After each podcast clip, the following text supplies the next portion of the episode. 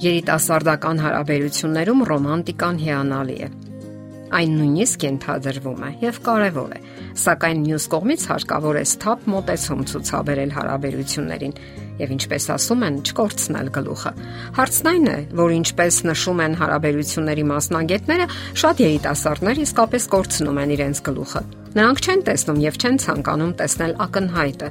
Իսկ ինչպես է հարկավոր տեսնել մարդուն եւ թույլ չտալ, որ հույզերը խլացնեն սթափ բանականության ձայնը։ Եվ ինչի վրա է հարկավոր ուշադրություն դարձնել, երբ հանդիպում են հնարավոր տեխնացուին։ Պատրաստվելով ժամադրության, սկսելով նոր հարաբերություններ, մեզանից շատերը ուրախ կլինեին լսել գործնական խորհուրդներ։ Ինչպես ապրել, ինչ են սովորեցրել մեզ դպրոցում գրքի հեղինակ, դասընթացավար, հոգեբան Մարտին Էմկոն իր այցելությունների պատմության եւ գործնական կյանքի հիման վրա կազմել է այն գործուն խորհուրդների ցուցակը, որոնք կօգնեն նման իրավիճակներում on-line ծանոթություններ։ Սա այնքան էլ վատ բան չէ, գրում է Մարտին Նեմկոն։ Հասկանալի է իհարկե, որ այս դեպքում էլ ինչպես կյանքում հնարավոր են տհաճ իրավիճակներ, սակայն ի տարբերություն մյուս իրավիճակների, այստեղ բարդ չէ վերահսկել հարաբերությունները։ Հարցն այն է, որ առցանց կամ on-line ձևաչափի տարբերակի դեպքում կողմերը կարող են արագ հրաժեշտ տալ կամ շփվել ամենատարբեր վայրերից։ Ընդ որում ժամանակակից մարդու համար ավելի ու ավելի դժվար է ժամանակ գտնել մեծ զբաղվածությունների պայմաններում եւ հանդիպել արտաքին աշխարհում։ Արցանց ժամադրությունների հաջողության բանալին, որն է այն։ Առաջին եւ կարևոր պայմանը ազնվությունն է։ Կարիք չկա դիմելու խորամանկությունների։ Պարզ ու հստակ կարող եք ներկայացնել ձեր ուժեղ եւ թույլ կողմերը։ Պետք է ասեք, թե ինչ նախասիրություններ ունեք։ Հետևեք բարձր չափանիշների։ Եթե զգում եք, որ տվյալ մարդը ձեզ հարմար չէ, չարժե ժամանակ վատնել ոչինչ չտվող հարաբերությունների վրա։ Ծանոթություն ընկերների միջոցով։ Այս տարբերակը եղել է միշտ եւ կշարունակի լինել պարզապես պետք է խնդրեք ձեր ընկերներին կամ հարազատներին, որpիսի օգնեն ձեզ գտնելու համապատասխան տեխնացու։ Ենթադրվում է իհարկե, որ դուք վստահում եք այդ մարդկանց, իսկ նրանք բնականաբար ուրախ կլինեն ձեզ օգնելու։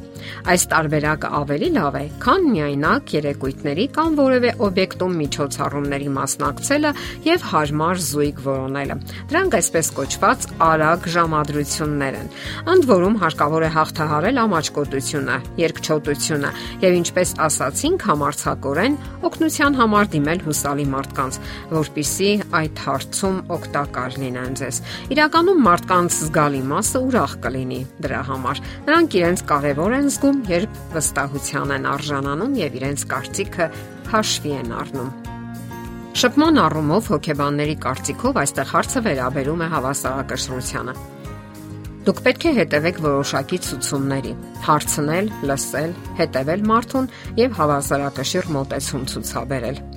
Եղեք ճափավոր անկեղծ, հատկապես հարաբերությունների սկզբում, բայց լեովին մի բացվեք։ Գաղտնիք չէ, որ որոշ մշակույթներում սա վերաբերում է հատկապես աղջիկներին, եւ առանձնահատուկ պետք է զգույշ լինել մերց շփումներում։ Ամեն ինչ ունի իր ժամանակը։ Պետք չէ թափ հաղորդել այնտեղ, որտեղ զգուշություն եւ զսպվածություն է անհրաժեշտ։ Մարդկային հոգեբանությունը միգուցե եւ փոխվել է ժամանակի ընթացքում, սակայն չի փոխվել բարոյականության չափանիշները։ Հետևեք երկխոսության սկզբունքներին, այլ ոչ մենախոսությանը։ Հոգեբանները այսպիսի գործնական խորհուրդ են տալիս. արձագանքների կամ ակնարկների մեծ մասը տևում է 10-ից 60 վայրկյան։ Երբ կողմերից մեկը ավելի երկար է խոսում, դա չի նպաստում առողջ երկխոսությանը։ Պետք է աստիճանաբար խորացնել զրույցները։ Կարելի է սկսել աշխատանքի, ընտանիքի եւ նախասիրությունների թեմայից։ Դրանից հետո միայն անցնել արժեքների համակարգին։ Հարկավոր է լինել ուշադիր թե սեփական եւ թե դիմացինի համապատասխան հակազդեցություններին եւ կարողանալ հմտորեն վերահսկել զրույցները։ Կարողացեք ոչ միայն կարգավորել, այլև վերահսկել դրանք։ Առաջին ամիսներին դժվար է դատել տրամաբանորեն եւ սթափ հայացքով նայել մարդուն։ Սիրո հարցերում հոգեբանի այցելուների մեջ առավել հաջողության հասել են նրանք, ովքեր կարողացել են հավասարակշռություն պահպանել մտքի եւ սրտի միջև։ Այդ մարդիկ շփման գործընթացում չեն մոռացել գնահատել հետեւյալ արժեքները բարություն, հուզական եւ դրամական համատեղելիություն, սեռական համատեղելիություն, համատեղելիություն անկախ մերց հարաբերություններից։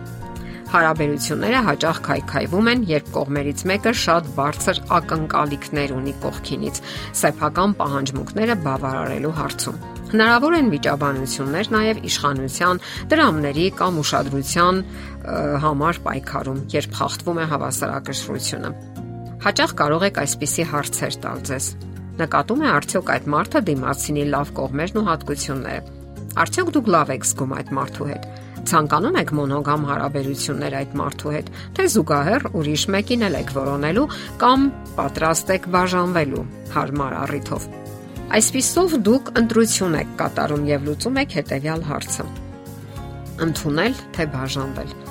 Վերոհիշյալ հոկեբան Մարտի Նեմկոյի այցելուները, ովքեր հաջողակ են եղել անձնական կյանքում, ձգտել են թույլ չտալ, որ իրենց համար տհաճ հարաբերությունները շարունակվեն։ Նրանք կամ ընդունում են մարդուն, ինչպես որ նա կա, կամ խզում են հարաբերությունները։ Չափազանց փոքր են հնարավորությունները, որ կարելի է խելամիտ ժամանակամիջոցում փոխել մարդուն կամ շտկել կամ վերանորոգել։ Դե ինչ բոլոր դեպքերում որոշում կայացնողը միայն եւ միայն դուք եք։ Եթերում է ճանապար երկուսով հաղորդաշարը։ Հարցերի եւ առաջարկությունների համար զանգահարել 033 87 87 87 հեռախոսահամարով։